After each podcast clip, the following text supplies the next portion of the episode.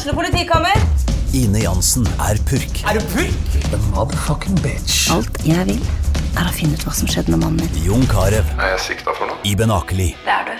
Ole So, Lars Berrum og Big Daddy Karsten. Hvem sin side er du på, egentlig? Anette Hoff, Tone Danielsen, Kommer du fra Afrika? Jørnis Josef, Nesten. Kløfta. Trond Espen Seim, Det er synd å si det, men det var feil mann som døde. Purk. Premiere tirsdag på TV2 Play. Fotball på Østlendingen blir brakt til deg av Eidsiva og Sparebanken Hedmark. Fotball-Hedmark-podkasten med Ulrik, Magnus og Jan Morten. Eh, Dette folkens, er en ny utgave av podkasten Fotball Hedmark. Den 89. i rekken. Jeg sa at eh, jeg skulle klare 100 før jeg gir meg. Eh, Men 90 skal vi klare. Eh, på Balstad, dere skal ta denne arven videre. Og dere er selvfølgelig eh, med oss i dag òg. Hei, hei, hei. Må jo det. Før uh, stafettpinnen videre. Så vi, eh, vi gleder oss til det, Torp. Jeg tenkte jeg skulle si at det begynte å bli vemodig at det nærmer seg at du slutter, men så Balstad gleder seg. Nei da. ja, eh, vi kommer til å savne deg på det tekniske, Freng. Ja, dette hadde ikke gått. Eh, Dagens gjest kommer med et lite stikk da, på det tekniske. Min geniale møteplass, som han eh, kalte det. Eh, Han har vært gjest hos oss før, han er like aktuell i dag. Koronaviruset har også lagt sin klamme hånd over hans hverdag. Ståle Solbakken, du er med oss fra København. Hvordan påvirkes hverdagen av dette her? Eh, nei, det påvirker jo en fotballtreners hverdag, det her. Vi uh, trener i små grupper, da. Så nå har jeg vært uh, jeg har hatt en gruppe, to ganger en gruppe på fire spillere. og trent litt med de litt ball, og så er den fysiske treneren kjørt dem litt i, med litt styrke utendørs. Alle apparater er utendørs, og så litt intervalltrening eh, i tillegg. Og så får de av kokken vår setter maten på trappa, og så kommer materialforvalteren med de tørre klærne. Så det er ikke synd på dem, men eh, det er klart at de som eh, de, eh, hva skal vi si, de utlendingene som har sine nære og kjære i eh, strøk i, Spania f.eks., de, det er jo ikke så moro. Han kapteinen vår, Seka, han har jo sine barn innelåst, holdt jeg på å si, og karantener i, i Portugal. Så, så det, er ikke, det er jo ikke så lett. Nei, Dette er dramatisk for, for eh, veldig mange og veldig spesiell tid. Vi skal tilbake til det. Jeg har akkurat litt om Seka her, eh, som du har uttalt deg om tidligere i uka. Så jeg, så vi skal tilbake til han. Men vi har en spalte først, Ståle, som vi kaller Gammel elver. Eh, den er som følger at jeg finner et, eh, et gammelt oppgjør eh, der en, av våre, en eller flere av gjestene eh, har vært involvert. Du har dessverre ikke spilt mot Balstad, så eh, det blir ikke en sånn duell der. Men eh, det er jo da et gammelt oppgjør med deg. Eh, Dere får 45 sekunder til å tippe de 11 som starta den kampen for hvert av de to laga. Da er vi tre fortsatt på lag, ikke noe Ja. sånn eh, pistolduell som sist. Nei, bare dere tre på lag. Ja. Eh, Jeg kjørte nattprisen her på Balstad, for han eh, begynte jo å lese seg opp, så jeg sa det var landskamp. Det er det ikke. Ikke det? Nei, Men er det, det er mitt lag jeg skal ta, eller er det det? det er Nei du skal tippe på begge. Bli med og tippe på begge. begge laga. Eh, Vi skal til fredag 26.12.1997. Vi skal til Stamford Bridge i London foran 34 100 tilskuere. Chelsea mot Wimbledon. Å, fytti grisen. Og Det jeg kom på i ettertid, da, boys, var at dere var nesten ikke født engang. Det var sju-seks år, dere. Skal ikke skrive om at jeg husker den. nei. Så begynner jeg, eller? Nei, dere, jeg starter tida, og så kaster dere bare ut navn, og så får dere rett eller gæli på de som kommer. Skal vi begynne med Chelsea eller Wimbledon, da? Nei, da må vi begynne med Wimbledon, da, for det er fort gjort. Ja, du husker sånn, du. Da får dere 45 fra nå. Ståle Solbakken. Ja. Neil Sullivan, Ja. Kenny Cunningham, Ja. Ben Thatcher, Ja. Dean Blackwell, Ja. eh, Chris Perry, Nei. Vinnie Jones.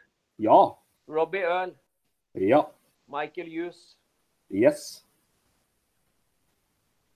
eh, Helt blankt på det. eh, eh, Marcus Gale. Ja. Neil Ardley. Ja. Det tror jeg er Nei, Det mangler én forsvarsspiller, tror jeg.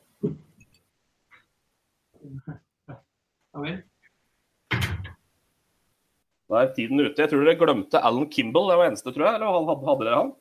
Nei, han hadde det ikke. Han spilte ikke mange kamper, han spilte jo mindre enn meg. Mindre enn seks. ja, det var sterkt. Den, den hadde jeg forventa. Men så er vi på Chelsea, da. Eh, 1997-versjonen av Chelsea. Det er noen uh, ordentlig bøse navn der. Så, så, jeg forventer at dere klarer noen, altså, selv om dere var unge gutter. Og Ståle husker kanskje noe. Da får dere 45. Chelsea, faktisk. Digoi. Yes.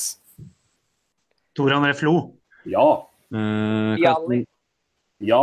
Uh, Dennis Wise. Ja. Sola. Di Matteo. Di Matteo, ja. Sola var på benken. Frank Lebeuf.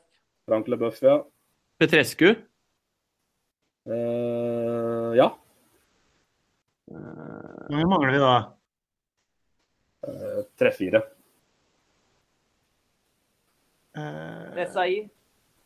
Nei. Frank Sinclair. Ja. Den er sterk. Nei, jeg har ikke mye mer der, altså.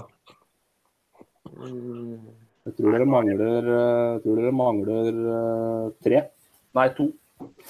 Tida ute. Jeg tror dere mangla Danny Granwill. ja, han mangla vi, hørte jeg. Unggutt. Og så Michael Dibbery. Ja, ja. Så, hva husker du av kampen, Solle? Jeg husker at, uh, at uh, det var early kickoff, uh, og at vi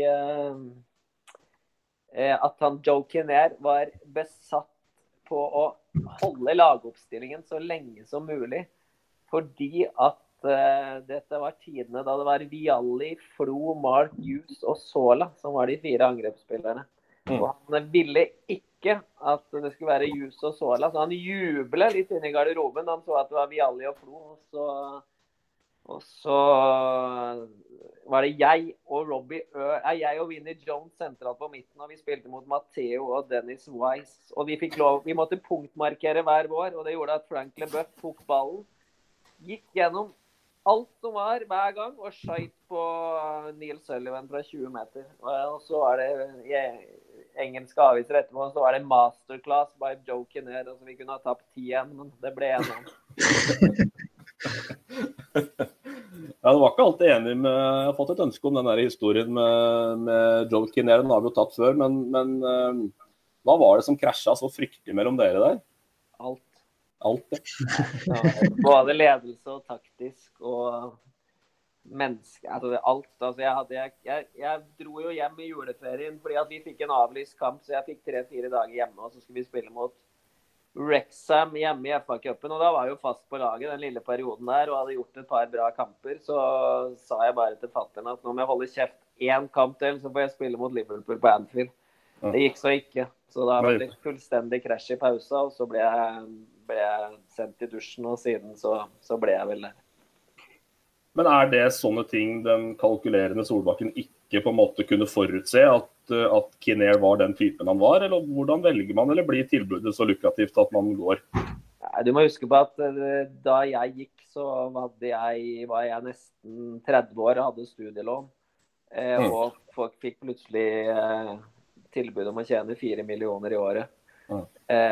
og det var jo tross alt vært noen norske spillere der. og jeg burde jo ha klart å innfinne meg, og selvfølgelig burde jeg det. Og fått nytt å spille litt i Premier League. Men bare kulturen og han Kiner spesielt, det jo seg så imot og sto for alt det ikke jeg står for. Så jeg klarte bare ikke å holde kjeft. Og jeg, jeg tror òg at jeg ble litt sånn forsvarer fra noen av de unggutta som han var helt ja, man han tyranniserte. Så det var litt det var litt dumt, egentlig, men, men det ble jo Danmark etter det. Da, så det er ikke sikkert at det var så gærent allikevel på det lange løp.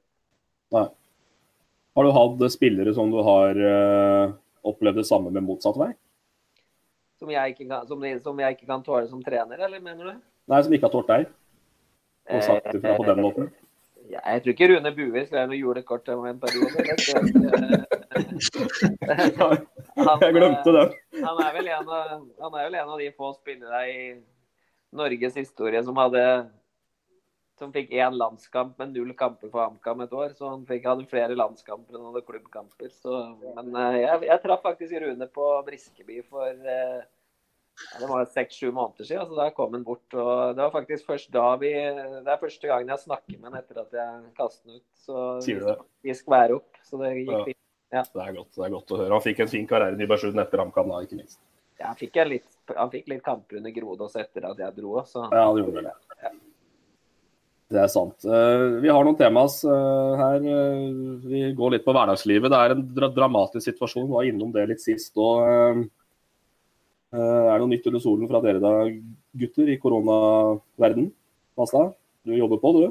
Ja, pengene skal nå inn. Korona eller ei, skulle jeg si. Så vi, vi er løsningsorientert. Både jeg og fruen er jo i teorien i full jobb, og så er det jo to barn da, som ikke har noe sted å være på dagtid. Så det vi håper de finner en løsning snart.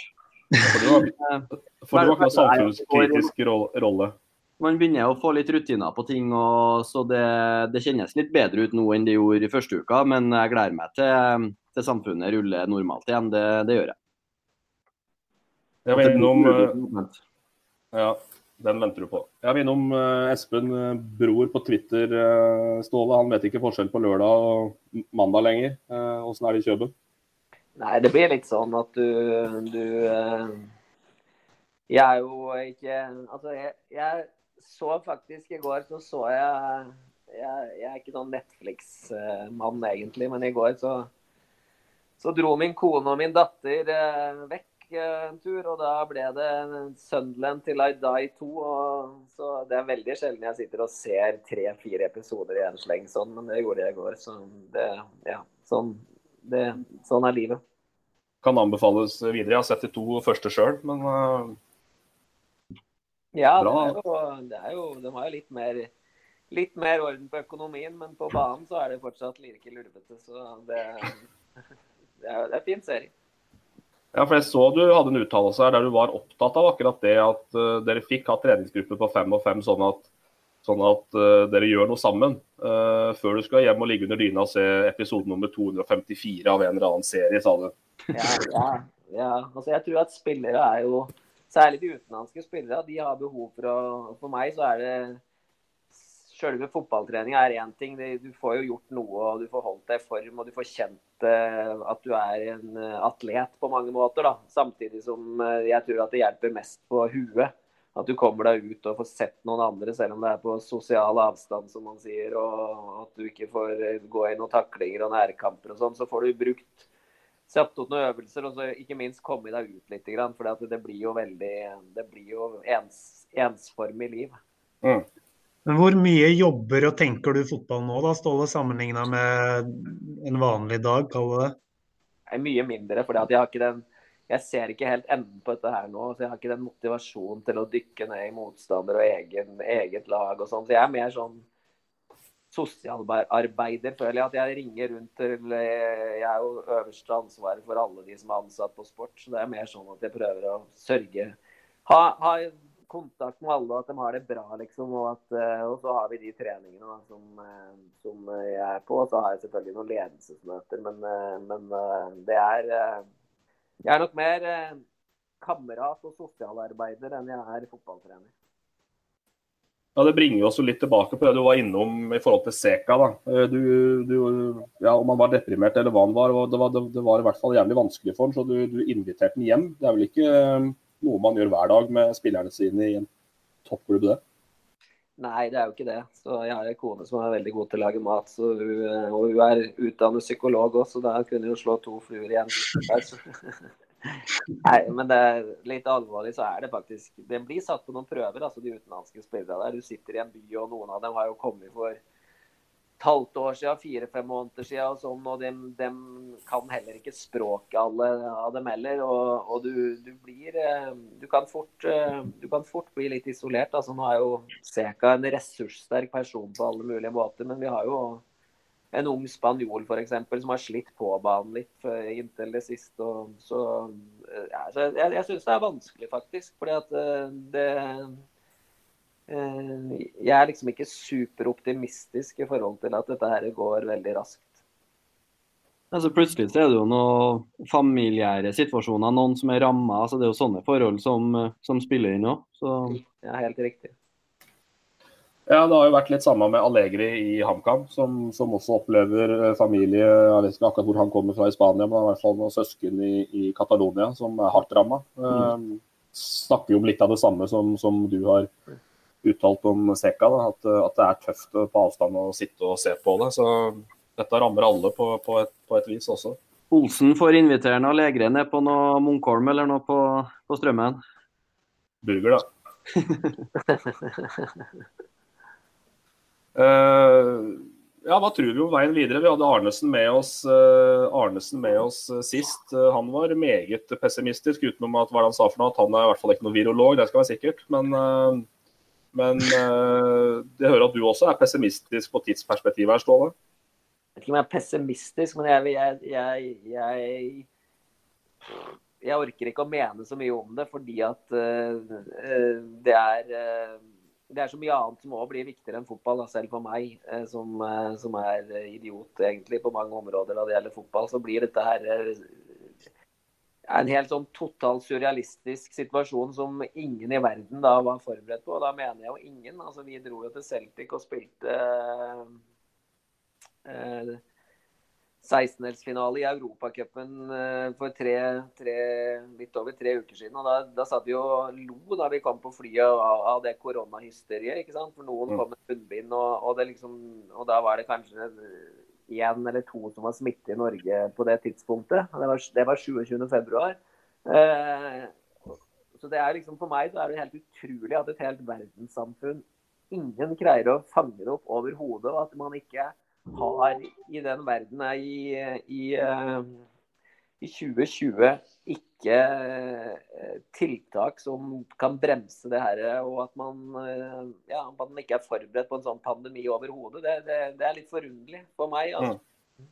Og da, da må man jo sette spørsmålstegn over hvor, hvor, hurtig man kan få kontroll på det. For jeg ser det jo litt sånn at så, så setter vi i gang, og så får det et tre-fire i et lag. Det var så, Da skal de suspenderes, og så skal hele laget i karantene. og så ja, så, så, jeg ser litt følgetonger på det her som gjør at, uh, at det kan vare litt lenger enn det, enn det man, uh, det man uh, håper.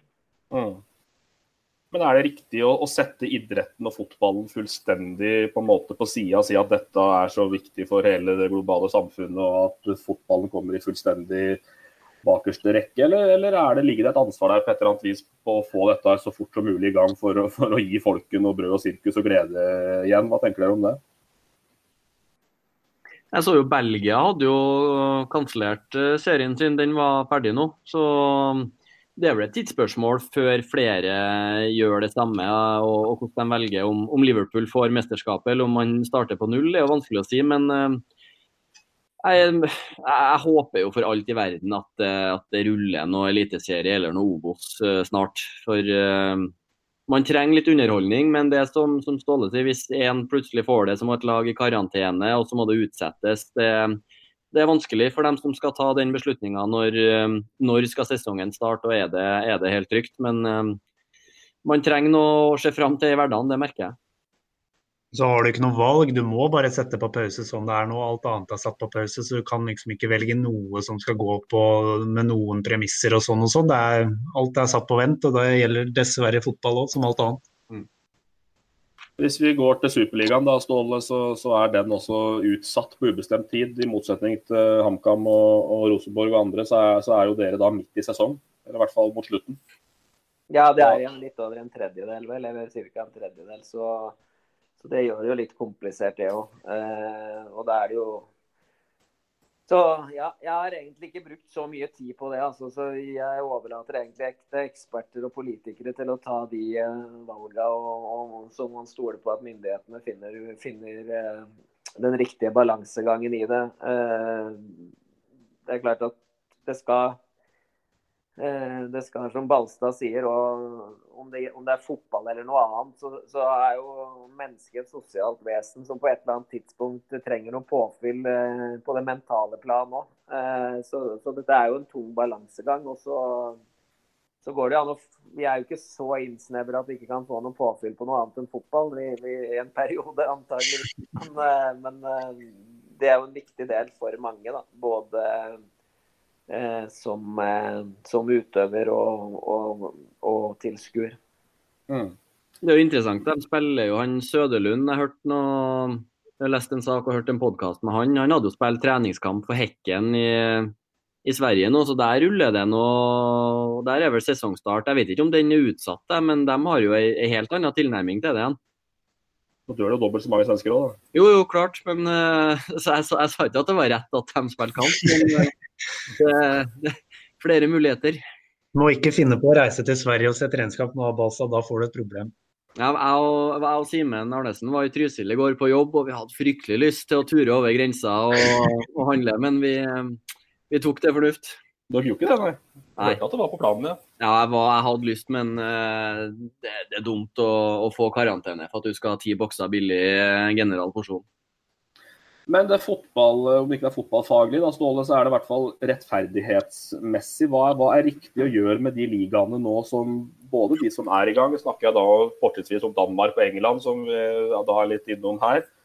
Uh, kan ta det først. Og så hva med de ligaene som kanskje må starte opp seinere. Hvis vi tar Danmark og England først, da dere er jo tolv poeng bak uh, Midtjylland nå. altså Nei, Det spørs jo hvor, hvor mye man kan hva, Hvordan blir gjennom, gjennomføringsevnen, liksom. Og hva Altså eh, Så alle lag sitter jo eh, mer eller mindre i glasshus på det her. Og derfor så blir det bare feil at, at uh, hvert lag skal komme med sin, uh, med sin innblikk. Det, det, må være noen andre overordnede som tar de av, avgjørelsene. fordi det finnes jo ikke en et lag verken i England, Danmark eller noe annet sted som ikke har en egen agenda i det her. Så, så det må overordnede fotballmyndigheter, eh, skråstrek andre myndigheter, eh, ta seg av. Fordi at du har en eh, Du har en Du er alltid deg sjøl nærmest. Og, og, det blir på en måte å male sin egen kake, og du sitter i et glasshus. Så jeg syns det der er veldig vanskelig. Så du vil avbryte, altså? Nei, det sa jeg faktisk. Nei, det sa jeg ikke. Det, nei da. Det var fin, han, han, presidenten i Brescia var det vel, som ligger desidert sist i serien. Han skulle i hvert fall ikke spille noen flere kamper i år. Det var, var respektløst. Da kom han til å ta på walkover. Han fikk jo den fra andre lag at det der gjør han bare for å berge nedrykk. Så det, det er jo en problemstilling, det òg. Det er en tidligere eier til Leeds, og han solgte Jesse Joronen, vår keeper, til for fem millioner euro i sommerferien. Og det er ikke de letteste forhandlingene jeg har hatt. Uh, han hadde en døgnrytme som var ganske forskjellig fra en normal persons døgnrytme, i hvert fall uh, der han uh, Ja, så det var han skal, jeg tror jeg ikke vi skal ha som talsmann for det. her. Men Balstad, da. Mening om avbryte? Uh, utsette eller avslutte med stående resultat. Så det er vel kanskje de tre som ligger lengst opp i dagen. da. Ja, altså, det er jo skutt å si uh, Uansett hvordan man gjør det, så er det jo noen tapere og vinnere her. altså at hvis du, Sånn som i Premier League, da, så bytta vel noen, eh, noen lag plass på nedrykks, uh, den siste nedrykksplassen i siste runde. Er det da rettferdig at ligaen blir stående sånn som den er nå? Det er så enorme konsekvenser for dem som kan bli tapere her. Og så er det jo selvfølgelig kommer Liverpool til å vinne ligaen. Eh, så det er urettferdig for dem hvis det blir nuller. Så uansett hva man gjør, så, så blir det jo tapere og vinnere. Men jeg, jeg, håper jo at man kan eh, tenke deg den perioden vi får hvis de klarer å sveive i gang hjulene med tre-fire eliteserie og tre-fire Premier League-kamper i uka, når de skal ta igjen det tapte inn mot sommeren. Jeg, jeg håper jo de begynner å spille. Om det så er for tomme tribuner og, og noen restriksjoner, så håper jeg at vi får valuta for det um, Eurosport Player-abonnementet utover. i hvert fall. Så jeg, jeg håper de finner en løsning så at vi kan fullføre, i hvert fall. Men om hvor langt frem det er, det er jo umulig å si. Er det realistisk å spille for tom Parken av Ståle? Eh, ja, det siste kampen vi spilte der, så, så var parken tom. og da hadde jeg jeg ble sendt ut på tribunen da, i den cupkampen før, så jeg var den eneste tilskueren. Eh, og det var et nightmare å se på. For det, det, var, eh, det var, liksom eh, Ja, det var veldig, veldig kunstig på alle parametere. Men eh, det, det, er selvfølgelig et, eh, et meget aktuelt scenario, det tror jeg helt sikkert. Men det er klart, du mister jo, bare for å skyte inn, du mister jo, den, den tyrkiske ligaen rulla jo ganske mye lenger enn enn mye av det andre. Så i mangel på noe annet, så satte jeg meg ned for å se Eller det var jo et fint oppgjør, det var vel Galatasaray Besiktas eller Fenebache.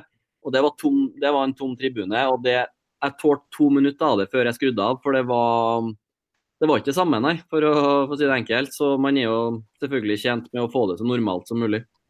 Men er det ikke det som er den store utfordringa for toppfotball nå? For én ting er jo de 22 pluss dommer og alt sånt som skal fly utpå der, men det er jo 80 000 på tribuna som blir den store utfordringa. Ja. Eh, Å få samla alt det der. Når er vi der at det går? Det kan jo potensielt bli lenge til, tenker jeg. Hvis det slippes opp litt. Ja. Men er det riktig, Ståle, at uh, det er en antakelse at, at publikumsinntekten er en vesentlig større del av uh, ditt budsjett enn det er i, på Hamar f.eks.? Sånn at det er, er det da mer aktuelt å spille for tomme tribuner i Obos enn det er i Superligaen f.eks.? Altså, jeg tror for det større, det, det større ligaene er, det så uh, uten, at det, uten at jeg er 100 på det, så tror jeg TV-pengene er det alfa og omega viktige for, for de fleste klubber. TV-penger er, er, ja, det er noe som alle er avhengig av. og Det jo det som òg gjør som danner grunnlaget for de sinnssyke lønningene som er i de, de store ligaene. Mm. Du var innom Tyrkia, Balstad. Du var også i Tyrkia, Ståle. Fikk du noe svar fra Uefa noen gang, eller var det et skrik i luften?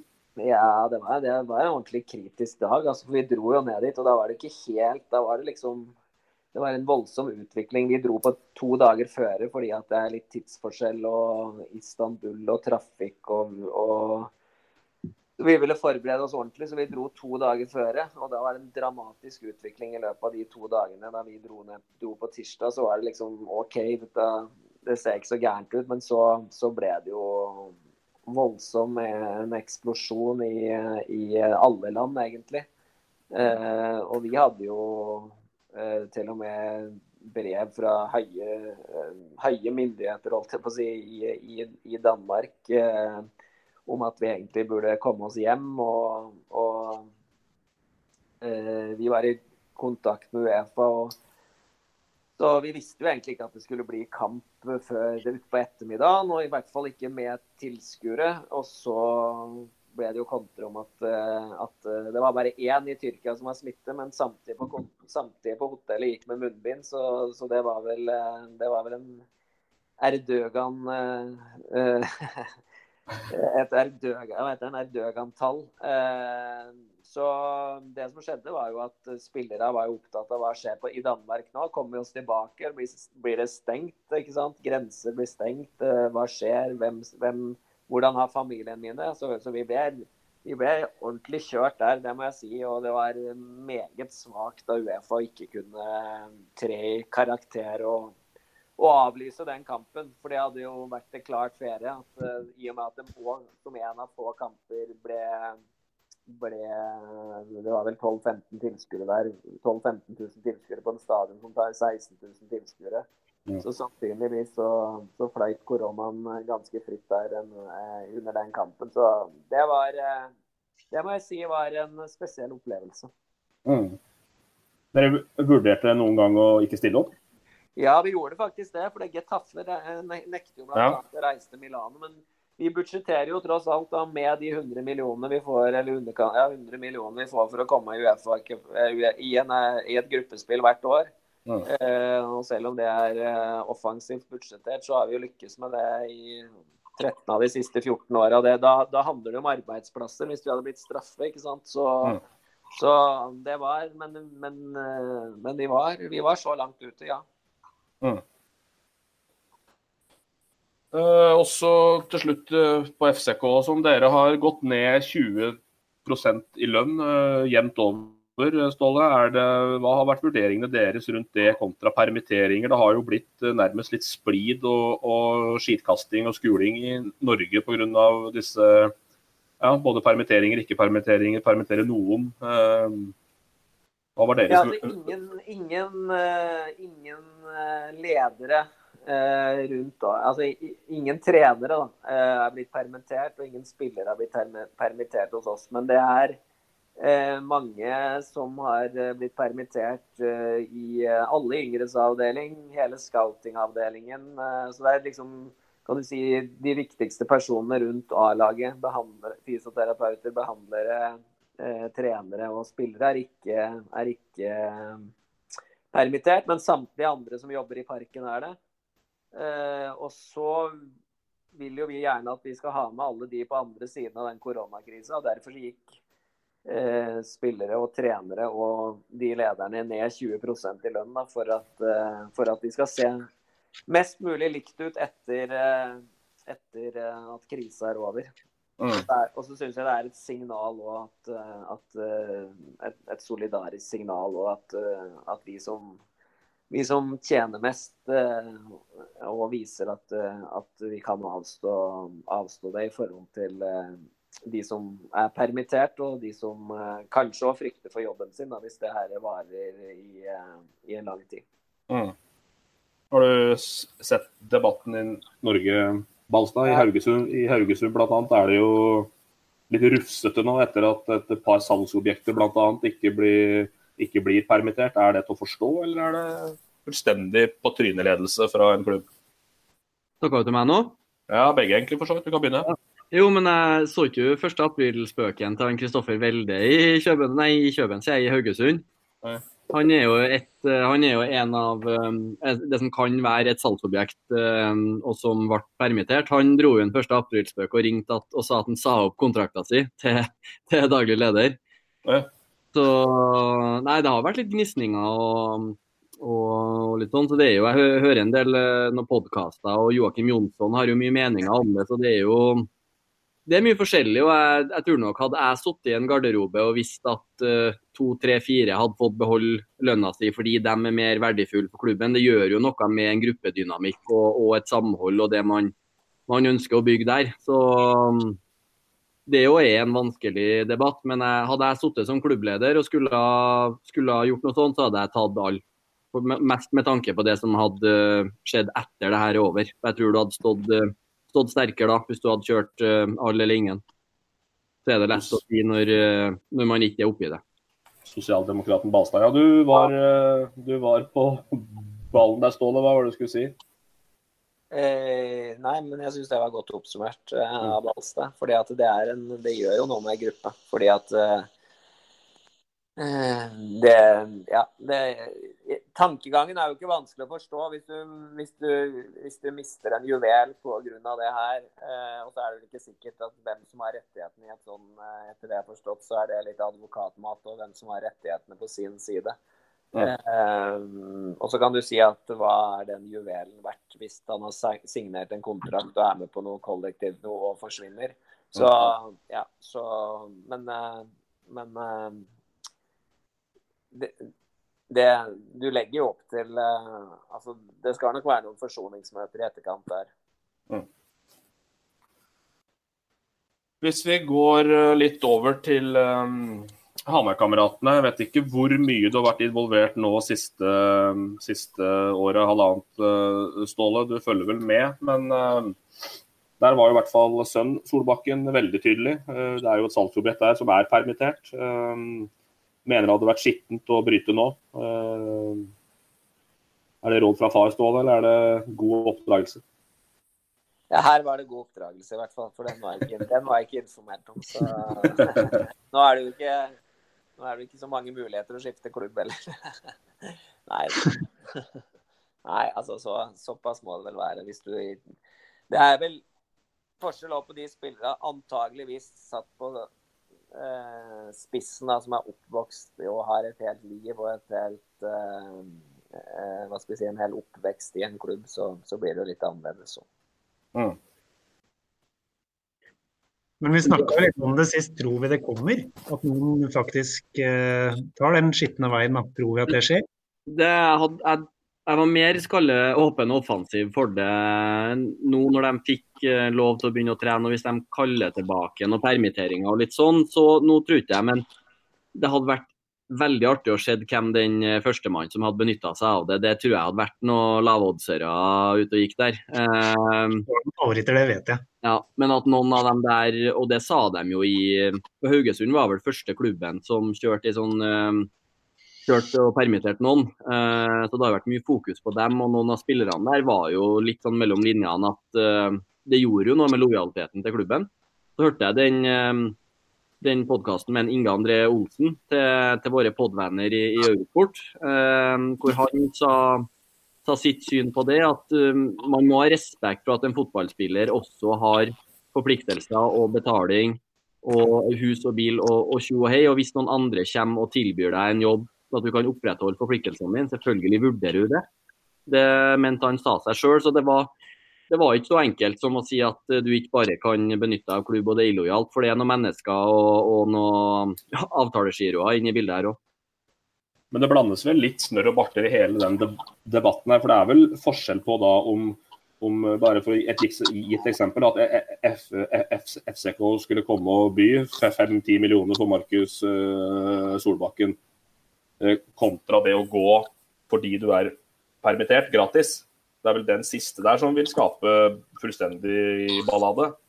Jo, det er jeg helt enig i, men, men, man skal mene dem og dem som står oppi det, at du må ha mer, mer respekt for menneskene oppi det her enn det som egentlig er kommet fram. Og så er det jo det at du kan selvfølgelig tilby og by det som er såkalt markedspris. Så var jo det ganske sånn diffus for å få tak i en permittert spiller. Det er jo selvfølgelig en mulighet, men det er jo dem, dem som bruker det til å komme seg til en annen klubb, som, som har blitt snakka om. Men Hvordan er eh, fotballen nå, Ståle, på altså klubbdrift, på menneskesyn, på spilleren som arbeidstaker, rettigheter? Det er vel en vesentlig endring fra bare en 10-15-20 år tilbake i tid, vil jeg tro? Ja, Så har du jo mye sterkere spillerforeninger rundt omkring nå. Spillerne er jo organisert på en helt annen måte.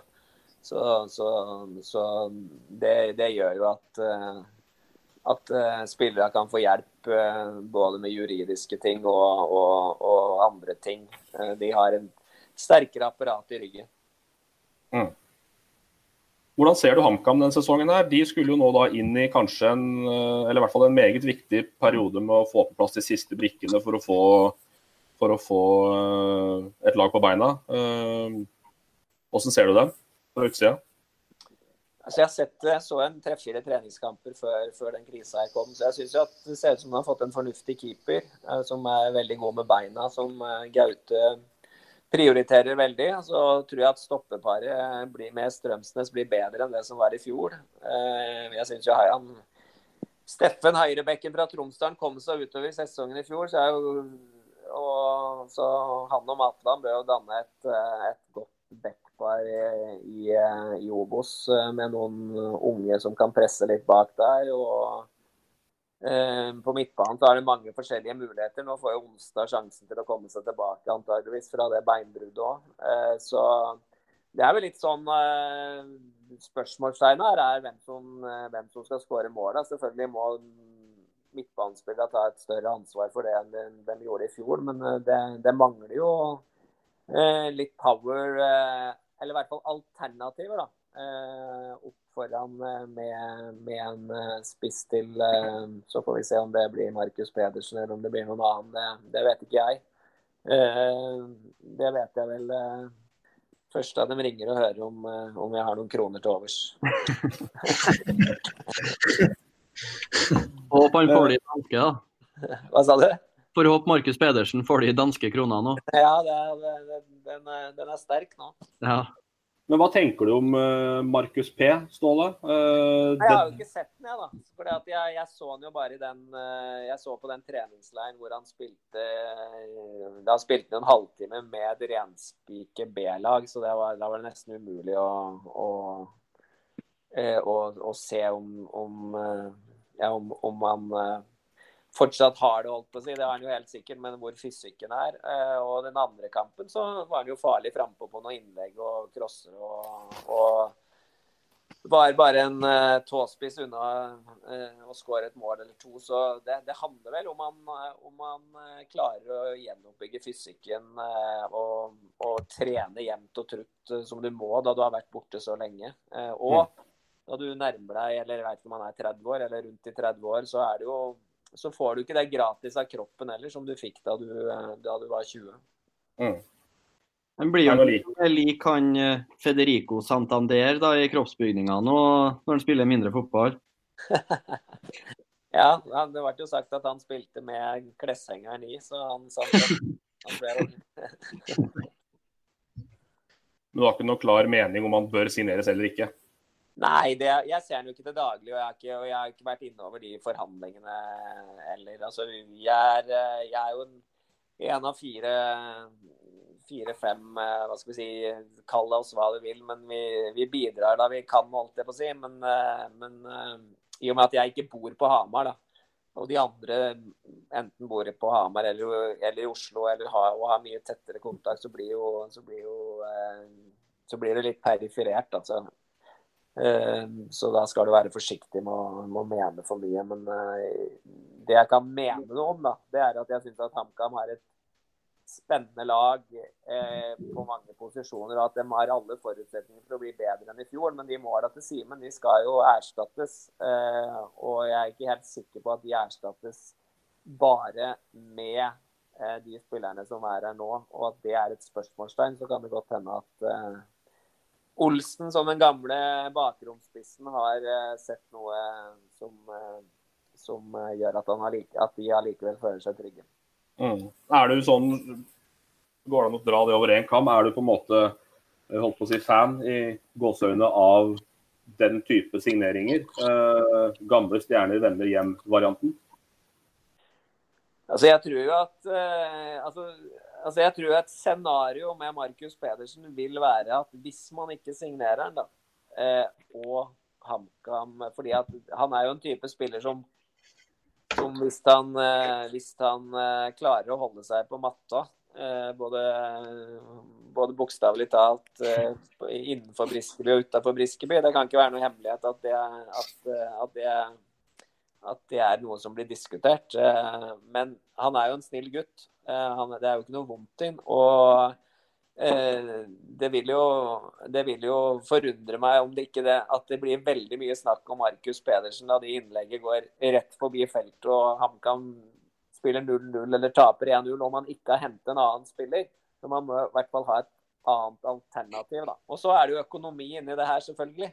Eh, og den krisa her gjør jo ikke økonomien eh, lettere. Nå hadde jo HamKam en eh, veldig god mulighet til å, til å sikre seg noen, et ordentlig publikumsoppgjør og hva det mm. innebærer av inntekter i den første kampen. Så det var, jo, det var jo trist hvis ikke det blir gjennomført, fordi at der hadde det blitt stinn brakke. Mm. Balstad, du også har jo lagt inn et spørsmål uh, i forhold til uh, far-sønn-forhold. Du har jo en sønn som er mest opptatt av perle om dagen. Så... Nei, det er dattera. Han uh, Jeg kaller han jo huleboeren. da, Litt sånn litt sånn på, på, tull, men perling er definitivt ikke det han er mest opptatt av. Det, det, skal han slippe å ha på seg. Okay. Men da spørsmål om far sønn og hvordan få han til å bli fotballspiller? Altså. Nei, ikke hvordan få han til å bli fotballspiller, men litt sånn litt involvert. Altså hvor, hvor aktiv du har vært i forhold til karrieren til, til din sønn. da, Med altså, trener eller veileder eller bare tilbaketrukket pappa fordi du så tidlig talent. Altså, din sånn rolle oppi, oppi de yngres? Det har vært veldig, veldig eh, lite, faktisk. Altså, jeg, jeg, har vært kun egentlig bare vært pappa. fordi at Første så har vi jo bodd i hvert vårt land i fire-fem år. Uh, uh, og hvor, hvor, jeg har pendlet, eller han har pendlet. Eh, eller familien har pendlet. Og så syns jeg at eh, Og så har jeg hatt tre forskjellige mm, barn, liksom. Jeg har hatt eldst, eldstemann som var som, eh, Sondre, som er født i 97, og som, som var ikke den mest hardtsatsende, men som hadde et sånn OK talent, men ikke noe mer. Og, og som eh, satt litt på benken og, og, litt sånne ting. Så jeg, jeg fikk jo liksom stor respekt for, for det da. Mm. Så var Markus, som fikk tildelt det meste av naturens side i forhold til talent, og som er mye mer ambisiøs òg. Men så hadde han gode trenere. Eh, og så har jeg hatt en datter nå som spiller litt fotball og, og har vært ivrig og vært litt på kretslaget, men som, som har flyttet til Danmark og spiller her. Så, så, jeg har hatt liksom eh, tre forskjellige typer, da, kan du si. Og, mm. og Markus er jo den klart mest ambisiøse, men han har hatt veldig gode Chris Twiddy har han vel hatt i mange, mange år. Mm. Eh, han spilte jo på Da han 11 år, så spilte han på Köln, og der var det jo bare 16-17 som ble tatt ut. Og da sendte jeg han av gårde på den ut, uttaket der eh, uten at jeg var med. Eh, og, og, han fysiske treneren sendte sin sønn, og han kom ikke med. Der var de steinharde. Så Så jeg tror liksom at jeg har prøvd å være han som balanserer det litt, da. Eh, og det blir jo veldig mye fotball i familien. Og, og hvis jeg da skulle analysert han og ikke, vært, og ikke vært til stede så mye, så i hvert fall ikke hele tida, så hadde det blitt feil. Men, men det er jo jeg gir han jo tilbakemeldinger litt nå, liksom. Når han har kommet på det nivået her. For nå har han jo et mål om å komme på U21-landslaget. Han har et mål om å Så er det jo, vil det jo være latterlig av meg å ikke si et hint eller to, liksom. Ja. jeg syns jo det er, eh, som jeg sier til dem, syns det er litt merkelig at du er 1,83 og ikke har headet en ball ennå. Eh, så må man jo tenke over det sjøl, om, om hvor viktig det er. Ja. Eh, og- men han er en annen type enn meg òg. Han er mer kunstner eh, utenfor banen. Han, eh, og han er eh, Han har veldig høy selvtillit. Da. Og, og det, det gjør at han Du hører sjelden han sier noe vondt om noen andre. Og du, og du hører veldig sjelden at han eh, bebreider noen andre. Altså, fordi at han er trygg på seg sjøl. Det, det, det er jeg i hvert fall glad for. Og det får mora få for oppdragelsen til. Men søker han mye feedback og tilbakemeldinger fra deg, eller kommer det automatisk fra din side? Eh, ingen av delene. Han søker veldig, han søker ikke veldig mye. Og, jeg prøver å begrense meg. For det, han, jeg mener jo at det er Gaute og Espen som er hans nærmeste. Det er de som skal gi ham påfyll. Det er Chris Twiddy som ga han påfyll på juniorlaget. Og, og, og jeg syns at de er så fornuftige at hvis jeg, skal i hvert fall ikke overprøve det. da de, Den ser hver dag. Og Så kan det godt hende at vi har noen diskusjoner om noen andre ting. ikke sant? Jeg har jo vært veldig klar på at, at eh, han ikke trenger å, å, å kaste seg inn i den agentbransjen og, og bruke tid på hvem du skal ha der og hvem som skal rå... Altså, det, det kan jeg ta med inntil videre. videre. Eh, og så får han litt hjelp av, av eh, kanskje av Torgeir Bjarmann litt, fordi at han er min kamerat og sånne ting, hvis han skal se gjennom noe, en kontrakt eller et eller annet sånt. Men sånne ting å konsentrere deg om, og det du kan gjøre noe med, liksom. Ikke ja, det, det tror jeg er viktig. Altså. Fordi at jeg er jo, eh, I og med at jeg er ansvaret for FCK sin yngres avdeling altså jeg, Ikke at jeg er daglig involvert, men jeg er jo sjefen til de som styrer det. Og det er jo, Jeg, synes jo, jeg får litt vondt i magen når 14-15-åringer kommer med agentene sine, og det, det blir stilt krav både her og der. Men det er den verden vi lever i. Da vet du hva du har å gjøre, Bansne. Ja, det var, det var jo Nå skal ikke jeg bli fremstilt som en sånn far som egentlig alle gjør narr av, men man er jo nysgjerrig på Det var jo en forlengelse inn mot breddefotball og hvordan klubbene blør der, så det var jo litt sånn jeg kom inn på det med oppvekst og yngre og sånn. og klart Det er jo, det er jo interessant å, å snakke om. så det var For å si som du sa til meg i stad, det det var godt svart. Jeg tror jo det, Ståle, at, eh, at hvis vi ser på mange av de sønnene til de siste åra som har, eh, som har eh, kommet opp, om det er, jeg har ikke navn på alle, men det, det er jo til fornuftige fedre som jeg tror kanskje har hatt den der tilbaketrukne rollen som du nå snakker om. Men, men, men hva er på en måte verdien av å ha en far som et forbilde, tror du? Det å få være med i miljøet, få se, være stolt. Altså, jeg tror jo at Markus ble, ikke, jo ikke veldig lett imponert, at han spilte jo fotball i garderoben med Podolsky i Køllen. ikke sant? Han har vært i parken på de store Champions League-kveldene, og så har han gått ned i garderoben. Og så har han stått utafor garderoben til Real Madrid, og da gutta har kommet ut og fått, eh, som én av to, kanskje fått lov å stå der, liksom. Så han blir jo ikke, han jo ikke, han blir jo ikke lett blasert eller imponert, for han har vært en del av det, det crazy livet. Eh, Men det jeg er eh, Og, og har jo, Markus har jo klare styrker og klare svakheter som fotballspiller. Det er jo ikke så vanskelig, det kan alle se. Men jeg mener at, at det er ikke jeg Jeg trenger ikke å på en måte være han tredje eller fjerde som sier det til en. For det, for det første så, så er gutten fornuftig sjøl, og for det andre så har han dyktige folk rundt seg. Så, det, så, så jeg, jeg, jeg tror at jeg tror at eh, jeg tror i hvert fall at i det samfunnet vi lever i nå, da, det er annerledes enn da, da vi vokste opp og spilte. liksom, Da får du 100 000 tilbakemeldinger gjennom sosiale medier, gjennom alle mulige podkaster og alt hva det måtte være. ikke sant? Du blir gjennomanalysert hele tida. Hvis du i tillegg da skal ha en far som ligger over fordi at han eh, var en OK fotballspiller og har, og har trent noen lag, så, så tror jeg det blir feil. altså. Eh, Mm. Da er det bedre for meg å være han som balanserer det litt. Grann. Og så kan, kan du jo si til, si til at hvis han ikke hvis han begynner å, å At han ikke trener nok og ikke er ambisiøs nok, så må du jo òg fortelle, fortelle at, at da er jo sannsynligheten for å lykkes mindre òg. Men, men, han lever jo ånder for det her nå. Men samtidig som, så syns jeg han har en, en veldig fin balanse i livet, fordi at han har andre interesser ved siden av. Han er flink til å koble ut. Mm.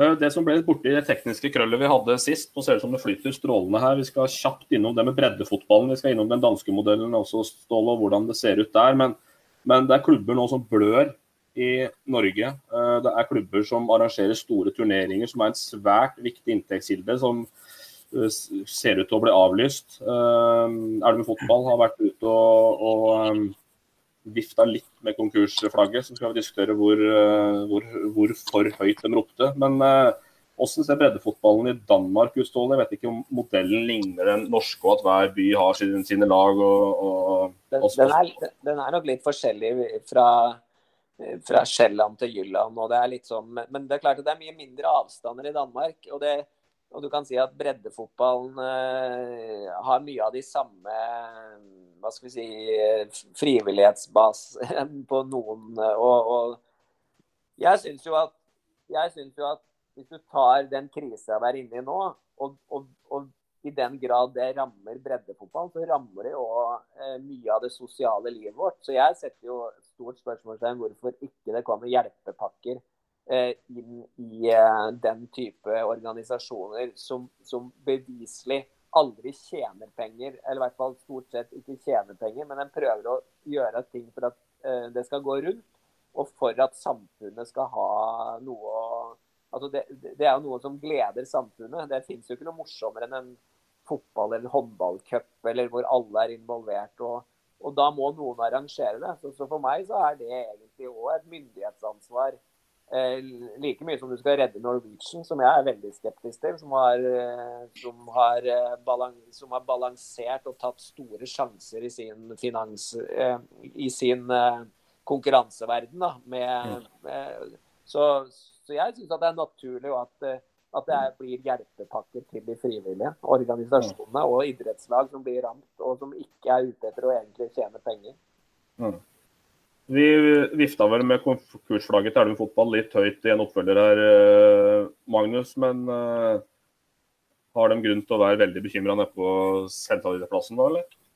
Det som var grunnen til at det konkursflagget i det hele tatt dukka opp, var jo et brev som var sendt fra Elverum fotball til kommunen for å bevise hvor viktig det var at det at de 722 000 kronene som det var snakk om, da, kom på plass. Eh, så var vel det litt for å bevise at på sikt her så kan situasjonen bli så, så kritisk at det kan handle om konkurs. Så jeg tror vel eh, det ble litt sånn misoppfatning med hvor akutt det var. da. Men at det her er alvorlig for Elverum fotball, og på sikt kan bli veldig alvorlig, det er det jo ingen tvil om. Og Der kom jo turneringssnakket som vi akkurat prata på, Elverumsturneringa til sommeren f.eks som akkurat nå ser vel ikke veldig lyst ut, det er jo veldig veldig kritisk for en klubb som Elverum hvis den ikke blir arrangert.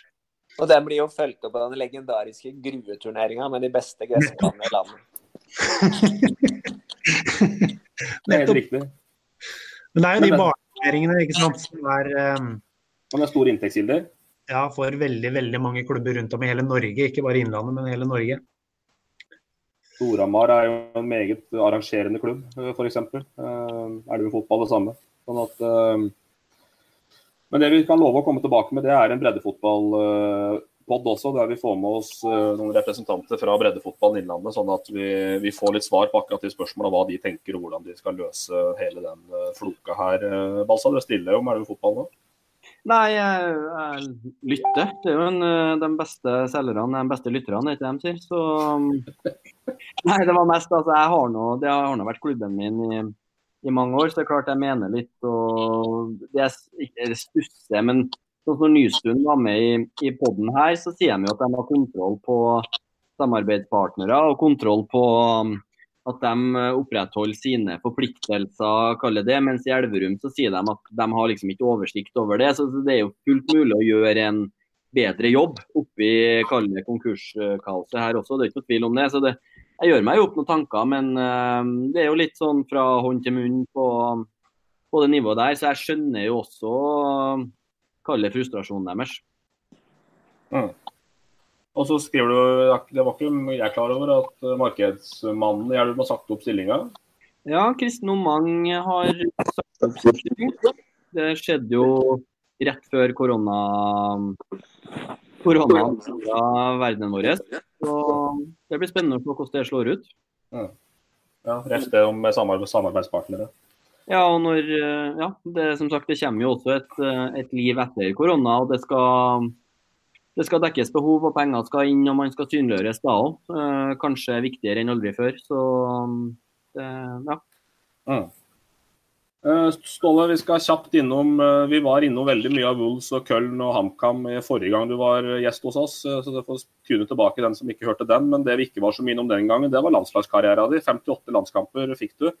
Hva jeg satt og lengta etter kampen du plukka ut der, jeg vet du. Men ja, det var, var, mye å velge i. Aprisen er der. Ja, det var det. Hva betydde landslagskarrieren din for deg? Hva, hva betyr den i dag? Eh, jeg fikk jo være med på hva skal vi si, andre del av, av 90-tallet. Jeg kom jo med umiddelbart etter USA-VM. Og, og, var jo med til jeg spilte min siste landskamp og sa, og i EM i 2000, den siste kampen der, det var min siste. Eh, da ga jeg meg. Eh, og så hadde jeg jo faktisk sagt jeg, til Nils Johan at, at jeg var klar igjen. To dager før jeg la på røret i Kjøben eh, og hjertestoppet. Så jeg, så jeg hadde jo Jeg gikk glipp av noen der, da. Men eh, jeg var jo ingen Jeg var ikke noen stor internasjonal fotballspiller. Jeg var eh, hva skal vi si, jeg var dominerende i Skandinavia. Jeg var nok av de, av de beste der. Men internasjonalt så måtte jeg strekke meg for å henge med. Og det har jo litt med at du du spilte i Lillestrøm og Aalborg stort sett. da. Hadde jeg fortsatt litt i Premier League der, så hadde det kanskje vært lettere å Men, men jeg var jo han som Drillo stolte på, men som han helst ikke ville bruke. fordi at uh, Han ville jo helst ha en løper, og Leo, Leo løper jo mest og best. Uh, men jeg var en OK løper og kunne være lojal i den rollen. og så Hvis uh, Myggen hadde vært ute på byen eller ikke hadde helt dagen, så kunne jeg òg gå inn i den rollen der, for jeg hadde OK teknikk. og og hvis eh, Reka var skada eller ikke var helt i slaget, så kunne jeg gå inn der. Og Det gjorde jo at jeg alltid var kan du si, blant de 13-14 og alltid fikk kamper. Så jeg spilte jo ikke min første landskamp før jeg var eh, 6-27 år. Og fikk 58 og ga meg da jeg var et par og 30. Så, det, så jeg spilte jo stort sett alle kamper. Men ikke alle fra start. Eh, halvparten kanskje, det, det veit jeg ikke helt sikkert. Men, eh, men eh, så Ja, så jeg er veldig stolt egentlig at jeg var med på de greiene der. Eh, og, men, men jeg, var aldri, jeg, var aldri, den viktigste spilleren. Men eh, jeg var, eh, jeg var kanskje den mest anvendelige. da, og kunne bekle de tre rollene sentralt på midten der. Og det ga meg veldig mange kamper. Og så hadde jeg noen perioder som, som jeg var OK. Jeg ble toppskårer i, i VM-kvaliken i 98. Det er vel kanskje det jeg kan skryte litt av. Men, jeg, men jeg, var, jeg, var, ikke noen stor internasjonal fotballspiller på, på det høyeste nivået. Nei, Det var vi innom litt sist òg. Du var vel en litt undervurdert målskårer, faktisk. Du var jo egentlig det du var tidlig. Eh, ja, på Lillestrøm så HamKam skårte jeg nok ikke så mye. Men Lillestrøm så skårte jeg veldig mange mål til å være midtbanespiller. Det gjorde jeg. Tror du har ca. like mange mål i begge klubber, ifølge Wikipedia i hvert fall? Ja, men da blir det, blir det nok mer cup og litt og, og, og førstedivisjon og sånn på HamKam. ikke sant? I, i tippeligaen tippelig, så er det stor forskjell. Furnes borte i første runde i cupen, ja. ja. Uh, vi skal gå på et lesespørsmål til slutt uh, her. Det har kommet inn uh, mye bra. Jeg får prøve å de to andre litt her òg. Jan Sverre Moe er ute med saksa igjen, da, som vanlig sint og fæl. Um, hva tenker du om coachingen til Tom Nordli under Lillestrøm start i høst? Nå så du matchen? Eh, jeg, så, jeg, så, faktisk fra Altså, jeg så Vi skulle spille Europacup, så jeg gikk opp på kontoret. På, på, rommet, kontoret sitt rommet, og da var det 4-1, tror jeg. Så ble det 4-2. Og da fikk jeg på PC-en så jeg så jo ikke kampbildet så klart, men, eh, men, eh, dette er jo noe du må leve med i, ja, i leve med. At du tar avgjørelser, så må du stå ved dem. Så jeg skal ikke kappe huet av Tom Nordli pga. det der. det er andre ganger jeg kunne ha lyst til å kappe huet av han, men det, det Ikke for det her. det er greit. Uh, er du enig i at Viktigere enn fotballfilmen ikke hadde vært i nærheten av det mesterstykket det ble uten han maleren? Ja, det må jeg være enig i. Han var suveren. Nå er jeg veldig lenge siden sett den filmen, så jeg har den ikke helt klart for meg. Men, uh, men uh, han, han, var bra, han, sånn jeg husker det. Det er han sjøl som spør, da. Så... Ja, ja. Men hvorfor ble den det Vet du, Har du noe reflektert over det? Hvor, hvorfor den ble en sånn kultgreie som det ble? Det var jo en helt totalt usminke film, da. Eh, og det er kanskje jeg som måtte lide mest for det. Eh, men det var altså Jeg tipper at det var 600-700 timer eh, film fra det året som da skulle gå ned i 50 eller 55 minutter. Og så var det jo vel det første året HamKam var i Tippeligaen på ni-ti år. Eh, med den publikumsboomen som kom og, og, og, alt, liksom. Så det ble jo Og så skulle vel egentlig Sånn jeg husker det, så skulle egentlig den filmen het 'Streken' eller et eller annet sånt. For det skulle være kampen om å holde seg eller ikke. Mm. Ja, så, ble det, så, ble det, jo kampen om medaljer liksom i stedet. Og så var det litt heldig, da. Så tok Sveinung noen piller som ikke var helt bra. Og så kom det noen eh, Kom eh, Abiodun inn fra venstre og parkerte hoppen og karrieren hans. Og så fikk du de der høstkampene på Briskeby som du ikke hadde hatt på 100 år. Så det var jo, det var jo en gave, da. Var Pål Huse med å lage dem, tror jeg. Han spør i hvert fall om uh, vi bare kan få lov til å bekrefte at, uh, at de får lov. Det, det, er du, tydeligvis du som bestemmer det. da, At de får lov til å lage Viktigere enn fotball uh, 2 når du kommer tilbake for å trene HamKam. Ja, det får vi ha en avtale. Han var én av to, var han ikke det? Jo, han var vel det. Ja. Espen Fjell, Magnus, skal du ta den? Yes, han lurer på hva som er ditt beste fotballminne som gruespiller, Ståle? Ho, ja. Altså Jeg tror faktisk at altså, En av de gangene jeg skjønte at jeg kanskje kunne bli en OK fotballspiller, var at vi spilte opp opprykk. Og så var det Gjerdrum, Holter, Merkantil og Grue som kjempet om det. Og så var det Erik Foss som var trener for Merkantil, og han eh, prøvde med alle de Vålerenga metodene med kjeften og med alt, og, og virkelig sette meg ut av spill. da. Eh, for han så kanskje at, eh, at, jeg hadde mulighet for å vinne den kampen sammen med de andre spillerne i Grue der i en toppkamp borte mot Merkantil. Og da vinner vi 1-0. Og da husker jeg at hvis skiftet så skulle så etter kampen så ble det noen bruduljer etter kampen. Og så gikk eh, Erik Foss opp i branntrappa. Vi, vi måtte opp en sånn branntrapp der vi skiftet. Og så sa han Hør her, bønder. Det er ett lag, og det er merkantil. Dere kan drite i det, det opprykket. Altså,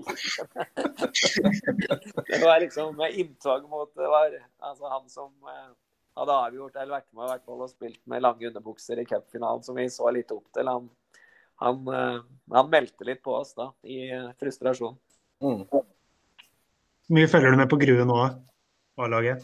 Eh, jeg, jeg, ser det i en kamp eller to i året, prøver det. Jeg har sett det på Stange to år på rad, faktisk. Og jeg har et par søskenbarn da, som har spilt der. Eh, og en onkel som har vært med i ledelsen. Så jeg har jo sånn oversikt, men du blir jo Altså, det er jo ikke helt det samme. Jeg husker jo da jeg gikk til HamKam i starten der, så var jo nesten resultatet det viktigste. Og sånn er det jo ikke lenger. Eh, men jeg, jeg var der i januar det, driver og skal bygge en sånn eh, hall der, fotballhall. Det er jo, det er jo Du blir jo fortsatt litt eh, nostalgisk hver gang du kjører inn i, i Grue kommune og kirken her og Grue stadion, men, eh, men det er ikke det har, det har, sett bedre ut, det må vi innrømme. Balstad, har du sendeskjema oppe, eller? Ja, jeg sitter klar til å ta det fra Bakkhaug nå. Ja, ta det. Er Geir Frigård det sinteste mennesket du har vært borti? ja, Frigård var Frigården, altså, Jeg og Frigården var jo lagkamerater i Lillestrøm. Han hadde et, et, et uh, sinnssykt temperament, det hadde han. Men uh, jeg husker at han var uh, han var litt lett å lure, Geir òg, da. vet du. Så da, da ble han jo enda sintere. Han skjønte han hadde blitt lurt. Jeg husker bl.a. at det gikk litt trått for HamKam i 2005 en periode. Så da sa jeg og Tommy Jacobsen at de skulle få lov å ta seg en fest.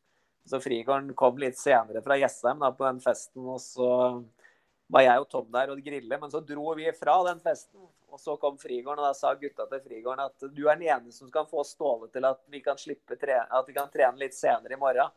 Frigården ringte meg, og jeg satt klar ved telefonen, og Frigården ringte og ja, det er faen, stående. gutta drikker ingenting her. Og jeg hadde jo vært der, ikke sant? så jeg hadde jo gitt dem lov til å drikke. Det er ingen som drikker noe her, men eh, kanskje vi kan ta et par øl og trene litt senere. Så det, ja, det er OK, Geir. Så uttalte jo den festen seg som jeg visste at den ville gjøre. og det, Vi hadde fri den weekenden etter, så alt var rolig. Og så Geir, nå må du ringe Ståle og høre om vi kan avlyse treninga i morgen. For du er den eneste som kan få Geir, jeg satt klar ved telefonen, og Frigården ringte. Ståle, kan vi få avlyse den treninga?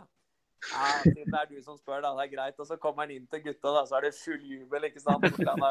Så, sånn var han litt sånn Han var litt sånn eh, Han var lett å, lett å få i gang, men eh, fantastisk fyr. Veldig god fotballtrener, sier alle som har hatt den på det aldersbestemte landslaget.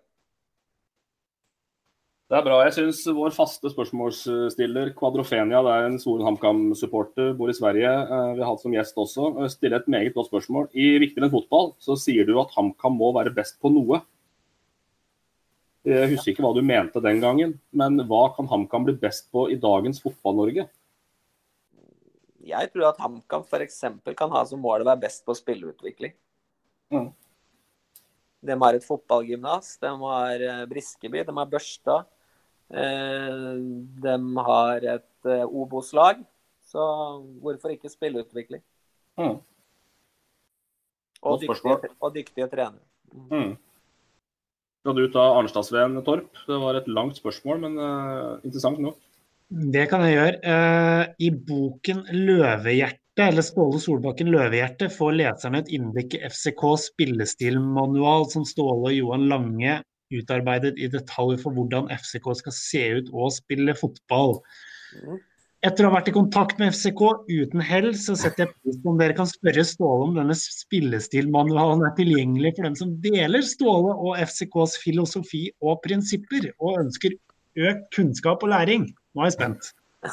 Ja, det er ikke noen hemmeligheter i den, så det må jeg vel klare å løse på et eller annet vis. Eh, den blir jo justert litt hele tida, da. Eh, og så er det jo Johan. Jeg er kanskje litt mer eh, Altså, vi er jo idémakere begge to og prøver å utvikle, men det er Johan som liksom er skribenten. Så Men det må jo gå an. Det er ikke noe, det er ikke noe secret service, det, altså. Hvis ikke så har vel Per-Mathias Høgmo noe tunge spillestildokument som man kan, kan få? Ja, han får ringe han. ja, folk følger med, jeg syns det er bra. Uh, han, vi var innom han maleren som skulle ønske deg som lærer på barneskolen, så han bare kunne si hva han skulle gjøre.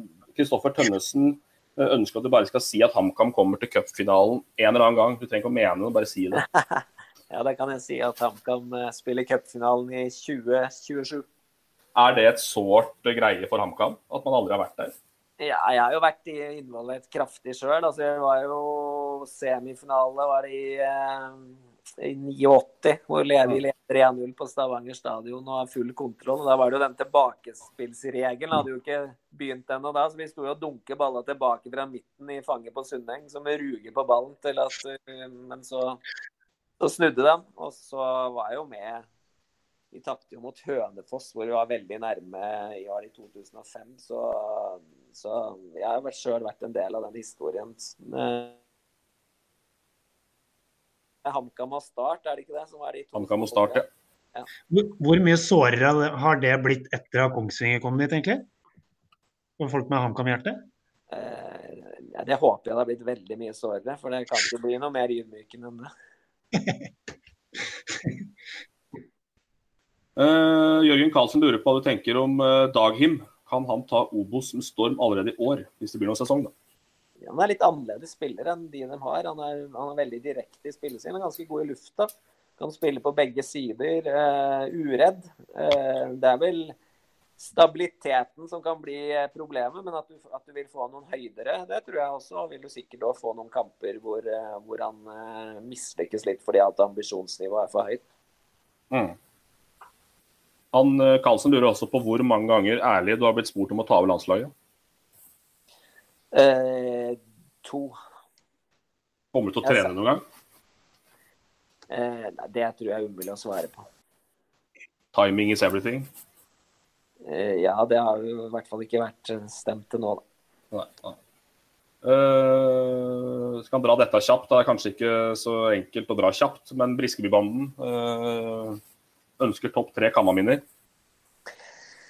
Oh, ja, jeg tror jeg må sette Alta på topp. Altså i, da vi rykket opp i 2003, det tror jeg, det tror jeg er eh, For det var liksom Det var en gjeng revansjesugende spillere som vi har snakket om før, som kanskje ikke hadde lykkes overalt. Og det å være i den garderoben der i Alta i 2003 og se den gleden, det var spesielt. og Samtidig det som skjedde da vi kom tilbake til Hamar, det var 1000 stykker som venter på oss, liksom. Det var, eh, så det tror jeg er det største. Og så eh, hadde vi altså Det er jo veldig lenge siden jeg var spiller i forhold til å være trener. Altså det er lett å huske bare lettere å huske de treneropplevelsene. Men det, da vi slo Rosenborg 2-0 på et fullsatt Briskeby, liksom, ikke fordi at vi hadde flaks eller fordi eh, fordi at de hadde litt stolpe inn, men fordi de rett og slett var mye bedre enn Rosenborg. Eh, og da spilte jo de Champions League, så, så den 2-0-seieren i den, den, setter jeg høyt. Og på spillersida så Vi vant seks kamper på rad i 93. Da hadde vi egentlig bare 11-12 spillere som kunne spille på det nivået. Men da, da de 11-12 var friske, som de var i den perioden, så tror jeg vi vant seks tippeligakamper på rad. og Eh, var det tredje beste laget bak Rosenborg og Bodø-Glimt. Og spilte da toppkamper både mot Bodø-Glimt og Rosenborg på Briskeby som med fullsatt. Så, så, det husker jeg godt at, eh, at, eh, at det var morsomt. Mm. Bra. Skal du ta Gjermund Holt det første der, Balstad? Han vil tråkke litt mer på Joe Kinnear. Holt, vet du. Neste er mannen. Spør om minst fem ting Terje Holt var bedre enn Joe Kinnar på. Ja, det kunne jeg tatt 100 ting. Altså, altså Terje Holt han var den første. Altså, han uh, åpnet noen uh, han, han, Det var den første treneren jeg hadde i Grue som ikke, som ikke var uh, hva skal vi si, fra bygda. vi hadde hatt fantastiske trenere. Fattern var god trener, Åge Steen var god trener. Bror Bergersen var en fantastisk Faren til Kenta var en fantastisk spilleutvikler. Og så kom Terje i 88. Han var mer sånn mer sånn Hva skal vi si han tenkte mye større tanker. da. Eh, det første, liksom, noe av det første han sa til meg, var eh, da du blir landslagsspiller eh, ja, altså, Da spilte vi i fjerdedivisjon, altså daværende fjerdedivisjon. Eh, og han liksom Treningen hans var mer altså, Han bygde meg fysisk. Han kom med noen sånne ting som gjorde at du mentalt ble, ble, voksen og sterk og følte at du kunne klare det hele. da. Eh, så han flytta meg både fysisk og mentalt på det året han var der. og Kiner prøvde å rive meg ned, både fysisk og mentalt, så det er vel kanskje den klareste forskjellen. Det er strålende. Og så har Pål Sønsterli til slutt her uh, sendt inn noe. Det er jo Kielmann, så jeg vet ikke om du gidder å svare det engang. Men Eh, det med Podolsky og kapteinsbindet har du vel svart på 100 ganger i forhold til den avgjørelsen og i forhold til at du angrer på den. Det har du vel erkjent eh, til slutt, at, at det var en tabbe? Ja, det var det. Men Pål er jo en veldig eh, fin fyr, selv om han har noen handikap med at han er så Kiel-besatt. Men han er en veldig oppegående fyr som, som var og besøkte meg i Køln, og som, som kan sitt fag. Han er en han er jeg vet ikke om han er så glad i HamKam og Grue og sånn som det jeg er. Det, det er nok ikke. Han er besatt uh, Kiel-patriot. Uh, men uh, han er en fornuftig fyr, så, så han, han, har jeg respekt for. Men det siste tredelte spørsmålet her skal vi avslutte med. Det kan jeg egentlig ikke huske at du har svart på, i hvert fall ikke som jeg har hørt noen gang. Du har sikkert gjort det. Hvem er den beste spilleren du har spilt sammen med, beste spilleren du har trent, og største talentet du har trent? Eh, den beste spilleren jeg har trent, det er Podolsky. Det er mm. Altså, han, eh, han, eh, er den beste spilleren jeg har trent. Han var nok Bundesligas beste spiller det første halvåret før han ble skadet. og da han ble skadet, så, så, ble vi avslørt som et ganske middelmådig lag fort. Så han, han er nok den beste, trener, beste spilleren jeg har trent. Den beste spilleren jeg har spilt sammen med, jeg tror faktisk at det var da Tor André, var i, Tor André Flo var i sin prime. Eh, Han spilte på topp på landslaget der. og Da, han- da han var på sitt beste, så kunne han litt av det hele. Han var god i lufta, tobeint, god til å drible. Og, gans, og hurtig nok til å, til, å, til å drible fort i lengderetningen. Så ja. Hva var det siste? Største talentet du har trent? Eh, det største talentet jeg har trent